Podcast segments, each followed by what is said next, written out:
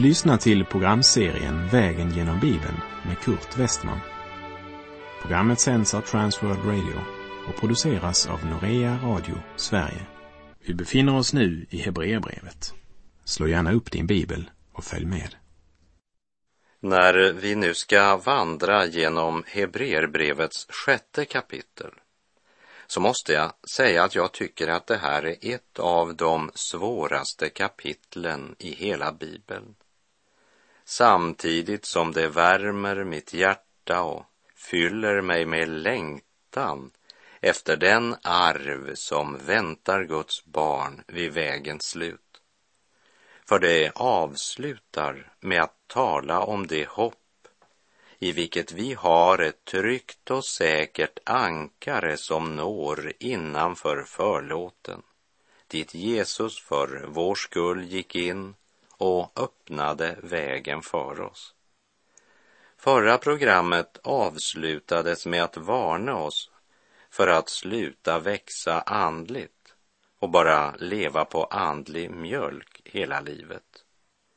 Vers 11 visade att problemet var att de blivit så tröga på att lyssna. Det vill säga, de hörde inte med lärjunga öron. Profeten Jesaja, han vittnar så här i Jesaja 50, vers 4. Han väcker var morgon mitt öra. Han väcker det till att höra på lärjungasätt. Det var det som saknades i den församling som Hebreerbrevet är sänt till. De behövde efter lång tid fortfarande någon som igen undervisade dem i de första grunderna av Guds ord. De behövde mjölk, inte fast föda. Det började bra, men de hade blivit så tröga på att lyssna så den andliga växten stannade upp. Vi läser i Hebreerbrevet kapitel 6, vers 1 och 2. Låt oss därför lämna bakom oss de första grunderna i Kristi lära och föras till fullkomlighet. Låt oss inte på nytt lägga grunden med omvändelse från döda gärningar och tro på Gud med undervisning om reningar och handpåläggning, om det dödas uppståndelse och en evig dom. Lämna bakom. Det handlar inte om att överge grunden, men om att bygga vidare på den. Låt mig ge dig ett exempel. Jag köper en tomt skaffar ritning och byggnadsmaterial och anställer folk som ska bygga huset. Efter en tid så är grunden färdig och resten av byggnadsmaterialet blir levererat. Två veckor senare så kommer jag för att se hur långt snickarna har hunnit. Men när jag nu kommer dit så är inte en enda stolpe rest. Istället så ser jag fyra snickare som går runt på grunden och prisar den och säger, är det inte underbart att vi har en så säker grund? Vi må aldrig överge grunden. Vi har en underbar grund. Ja, svarar jag. Men målet var ju att bygga ett hus på denna säkra grund. Och eftersom vi har en så god grund ska vi se till hur vi bygger vidare. Paulus skriver i Första Korinthierbrevet 3, vers 10 till och med 15. Efter den nåd som Gud gav mig har jag som en kunnig byggmästare lagt grunden och en annan bygger nu på den.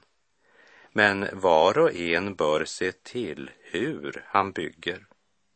Ty någon annan grund kan ingen lägga än den som är lagd, Jesus Kristus. Om någon bygger på den grunden med guld, silver och dyrbara stenar eller med trä, hö och halm så ska det visa sig vad var och en har byggt. Den dagen kommer att visa det eftersom den uppenbaras i eld. Och hur vars och ens verk är ska elden pröva. Om det verk någon har byggt består provet skall han få lön. Men om hans verk bränns upp skall han gå miste om lönen. Själv skall han dock bli frälst, men som genom eld. Grunden blev lagd för cirka 2000 år sedan. Du och jag kan inte lägga grunden. Men vad menar då Paulus när han säger att han har som en kunnig byggmästare lagt grunden? Jo, han har grundlagt församlingen genom förkunnelsen av den korsfäste Kristus som dog för att försona världens synder. Han har pekat på grunden som Gud har lagt i Kristus Jesus och på den grunden är varje kristen kallad att bygga. Det är inte något hokus pokus eller något som bara går av sig självt. Vi har alla ett personligt ansvar när det gäller vårt förhållande både till andlig växt och till det Bibeln kallar goda gärningar. Och Hebreerbrevets sjätte kapitel säger Låt oss inte på nytt lägga grunden med omvändelse från döda gärningar och tro på Gud, med undervisning om reningar och handpåläggning, om det dödas uppståndelse och en evig dom. Låt oss inte på nytt lägga grunden.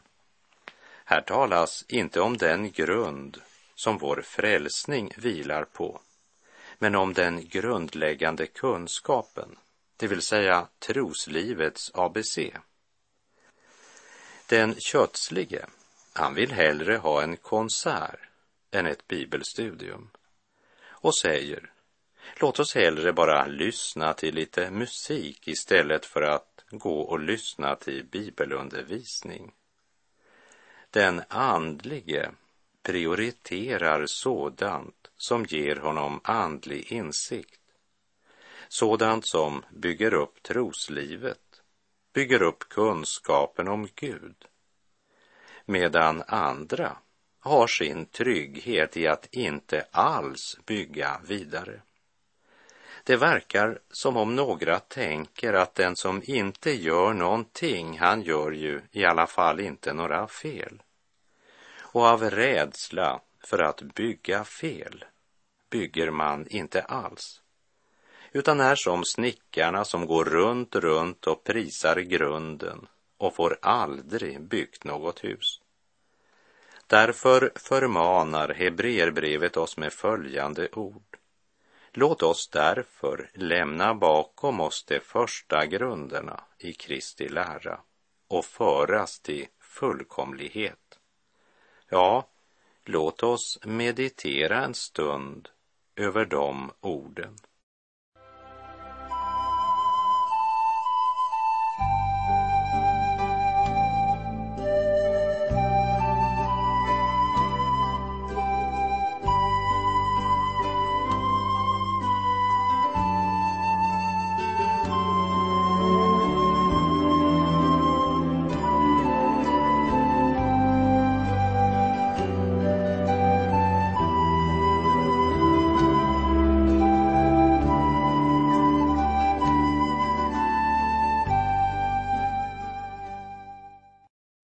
När vi nu kommer till vers 4 i Hebreerbrevets sjätte kapitel så kommer vi till ett av de avsnitt som vållat mest problem och orsakat många ändlösa diskussioner.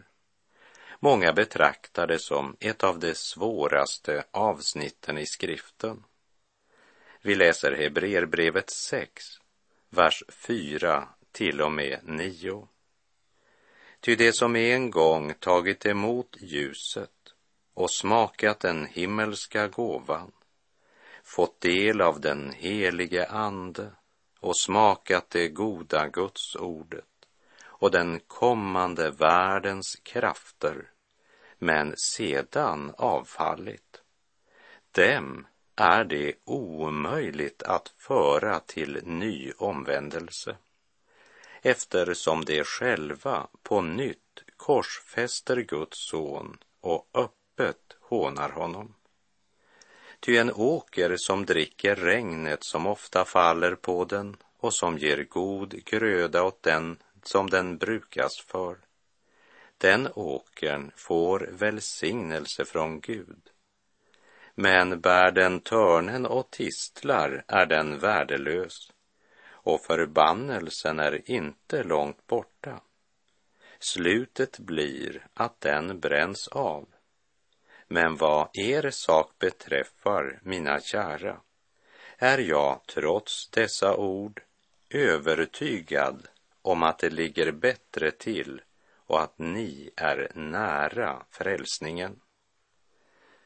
Det är otroligt många bibelkommentarer som har undvikit det här avsnittet genom att helt enkelt hoppa över det. Och av de som har en kommentar till det här avsnittet, där är variationerna på tolkningen så stora och ibland motsägande att man börjar förstå varför många valt att bara lyfta på hatten och gå förbi. Och personligen så vill jag vara försiktig med vad jag säger när det gäller dessa verser med dess oerhörda allvar. Men jag vill i alla fall inte som vissa kommentarer helt bortförklara möjligheten att den som fått del i frälsningen kan senare av olika orsaker vända Gud ryggen och gå förlorad. Om det inte var någon risk för den som kommit till tro att avfalla från tron och gå förlorad, varför skulle då Paulus i Andra Timoteusbrevet 4.7 proklamera Jag har kämpat den goda kampen, jag har fullbordat loppet, jag har bevarat tron. Jag har bevarat tron. Det handlar alltså inte bara om att komma till tro och bli född på nytt. När det nya livet är fött handlar det om att växa i tron och om att bevaras i tron. Tron är alltså något man måste ta vara på. Det handlar om att om och om igen göra bestämda val. Paulus har hållit fast vid Guds ord inte bara genom sina teologiska försvarstal, men framför allt genom att praktisera Jesu vilja i sitt liv. Därför kan han också skriva till Timoteus och säga, jag har kämpat den goda kampen. Jag har fullbordat loppet. Jag har bevarat tron. Och Hebreerbrevet varnar oss för möjligheten att börja loppet utan att fullföra. Varnar oss för att bara vara ordets hörare utan att praktisera denna kunskap i vår vardag. För då kan vi avfalla och förhärdas. Samtidigt så är det viktigt att säga att eftersom Herren genom profeten Hosea i kapitel 14, 5 säger jag vill hela dem från deras avfall. Så förstår vi att Hebreerbrevet 6, verserna 4 till och med 9 talar om en speciell form för avfall. Det handlar inte om frestelse och fall, för ingen är syndfri. I Johannes 10.28 säger Jesus själv jag ger dem evigt liv och de skall aldrig någonsin gå förlorade och ingen ska rycka dem ur min hand. Så om du har frestats och fallit eller rent av vänt Gud ryggen, så inbjuder Herren genom orden i Jeremia 3.14 Vänd om, ni avfälliga barn, säger Herren, ty jag är er rätta Herre. Det finns människor som inte har hört om Kristus och som inte är upplysta av Guds helige ande och gripna av Guds ord och som därför förkastar Kristus på grund av det de inte vet. Precis som soldaterna som korsfäste Jesus. Därför kunde han också be följande bön för dem. Fader, förlåt dem, ty de vet inte vad de gör. Men när den människa som inte bara har hört evangeliet och tagit emot ljuset och smakat den himmelska gåvan, fått del av den helige Ande, ändå medvetet väljer att vända Gud ryggen och genom sitt liv öppet håna frälsaren. Om dem sägs dessa allvarsmättade ord. Dem är det omöjligt att föra till ny omvändelse. Det talar alltså om människor som medvetet handlar emot den andens överbevisning som de äger. Först har de vittnat om frigörelsen i Kristus för att sedan medvetet välja syndens liv genom att medvetet förkasta Gud. Sådana kan omöjligt föras till omvändelse. Och det är de själva som gör det omöjligt genom den förhärdelse som frukten av att medvetet synda mot den helige Ande ger. Det var inte Jesus som utestängde Judas, men det var Judas som förhärdade sitt hjärta. Judas gick inte till Jesus när han insåg sitt förräderi utan han gick till Jesu fiender, till överste prästerna som korsfäst Jesus. Det är alltså hjärtats förhärdelse vi får beskrivet i Hebreerbrevet 6, verserna 4 till och med 9. Det kom så långt att ljuset gick upp i deras hjärtan och man bekände Kristus men det blev aldrig några andens frukter i deras liv. Det blev stagnation och därefter förhärdelse. Dem är det omöjligt att föra till ny omvändelse. Petrus förnekade, men han gick med sitt nederlag till Jesus. Mitt i sin skröplighet valde han att leva i förlåtelsen. Och för den själ som mitt i sin skröplighet väljer att leva i ljuset så leder fallet inte till förhärdelse utan till omvändelse. Du lever väl i en daglig omvändelse och arbetar med fruktan och bävan på din frälsning så att du kan fullborda loppet och bevara tron. Tron är en Guds gåva, men det är mottagarens ansvar att inte bedröva Guds helige ande, utan leva i daglig omvändelse och i daglig förnyelse. Låt oss bevara tron.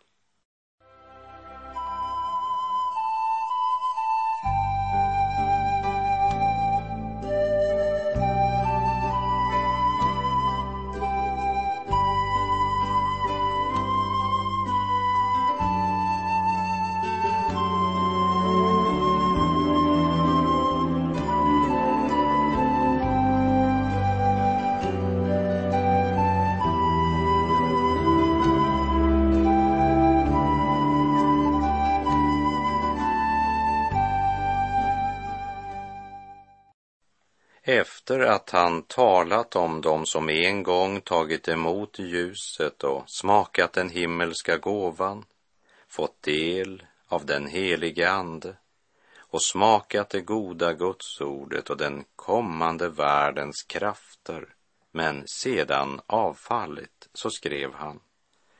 Men vad er sak beträffar, mina kära, är jag trots dessa ord övertygad om att det ligger bättre till och att ni är nära frälsningen. Varningen gavs i tredje person och riktade sig inte direkt till brevets mottagare, men nämns snarare som en möjlighet. Och så fortsätter han i Hebreerbrevet 6.10. Ty Gud är inte orättvis så att han glömmer vad ni har gjort och vilken kärlek ni har visat hans namn genom att ni nu som tidigare tjänar det heliga. Det de har gjort och den kärlek de visat Gud genom att tjäna det heliga, det kan inte frälsa varken dem eller dig eller mig. Men det är uppenbart att Gud ser om tron bär någon frukt i våra liv eller inte. Om vi vandrar i de gärningar som Gud har lagt färdiga för att vi ska vandra i dem. Även om gärningarna inte har något med vår frälsning att göra så är det en viktig del av vårt kristna vardagsliv. Vi läser Hebreerbrevet 6, vers 11 och 12. Men vi önskar att var och en av er ska visa samma iver att bevara full visshet i hoppet ända till slutet, så att ni inte blir tröga utan följer dem som genom tro och uthållighet får det utlovade arvet. Det handlar inte bara om att bevara tron, men om att bevara full visshet i hoppet ända till slutet. Vi ska inte vara bekväma, utan vara redo att göra oss omak, för det går inte av sig själv. Vi måste vara klara över vårt ansvar och vara redo att ta det ansvaret även när det kostar oss något. Vi läser verserna 13 till och med 15. När Gud gav löftet åt Abraham svor han vid sig själv. Han hade ju ingen högre att svära vid. Han sade, jag ska rikligt välsigna dig och rikligt föröka dig. Så fick Abraham efter tålig väntan vad Gud hade lovat. Under lång tid så såg det ut som om löftet inte skulle bli verklighet. Men Abraham väntade verkligen tålmodigt. Gud är både sann och trofast. Så det är inte nödvändigt med någon ed sett från Guds sida. Men på grund av människans skröplighet kan Gud nedlåta sig att avge en ed för att hjälpa den som fått löftet.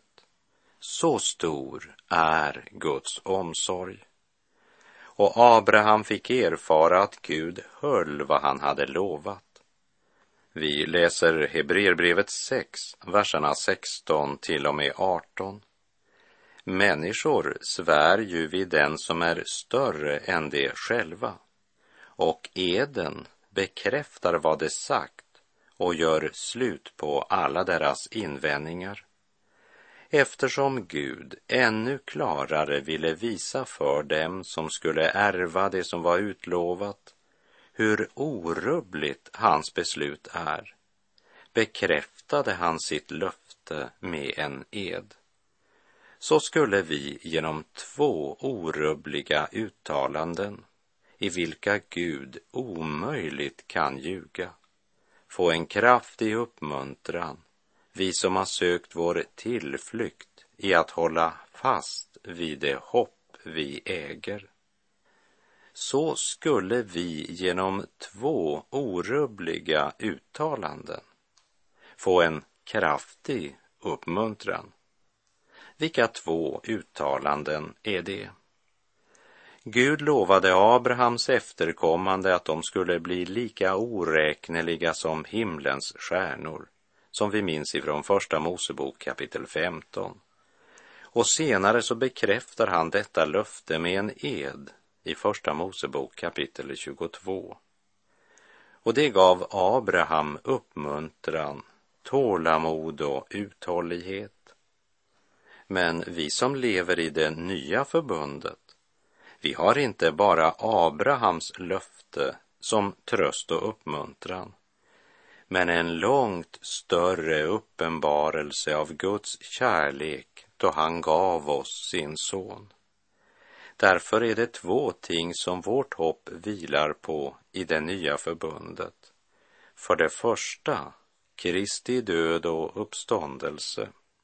För det andra, hans himmelsfärd och löfte löftet om hans återkomst. Vi läser Hebreerbrevet 6, vers 19 och 20. I detta hopp har vi ett tryggt och säkert själens ankare som når innanför förlåten, dit Jesus för vår skull gick in och öppnade vägen för oss när han blev överste präst för evigt, en sådan som Melkisedek. Vårt hopp är alltså ett ankare för själen. Det står det och ankaret är redan kastat i evighetens värld. Och det uttrycker Hebreerbrevet så här, innanför förhänget eller förlåten. Det är om detta hopp Petrus skriver i Petrus första brev kapitel 1, vers 3 och 4.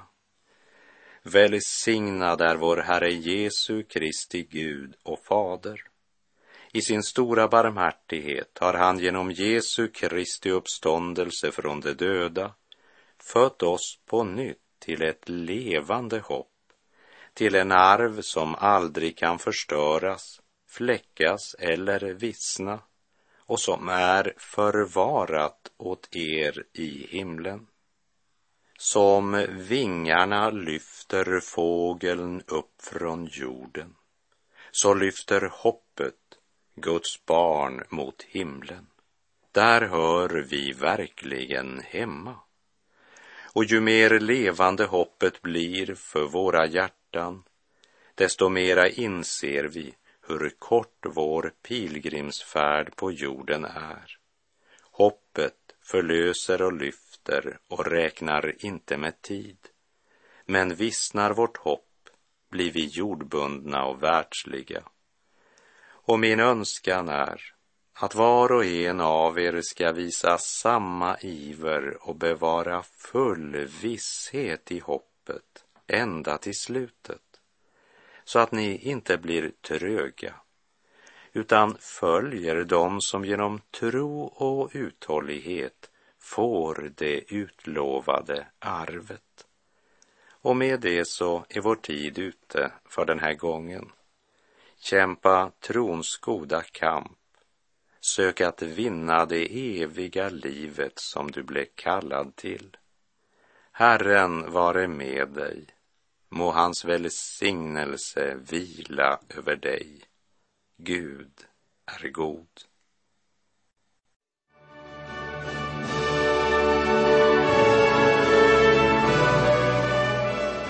Du har lyssnat till programserien Vägen genom Bibeln med Kurt Westman som sänds av Transworld Radio. Programserien är producerad av Norea Radio Sverige. Om du önskar mer information om vårt radiomissionsarbete så skriv till Norea Radio Sverige, box 3419 103 68 Stockholm.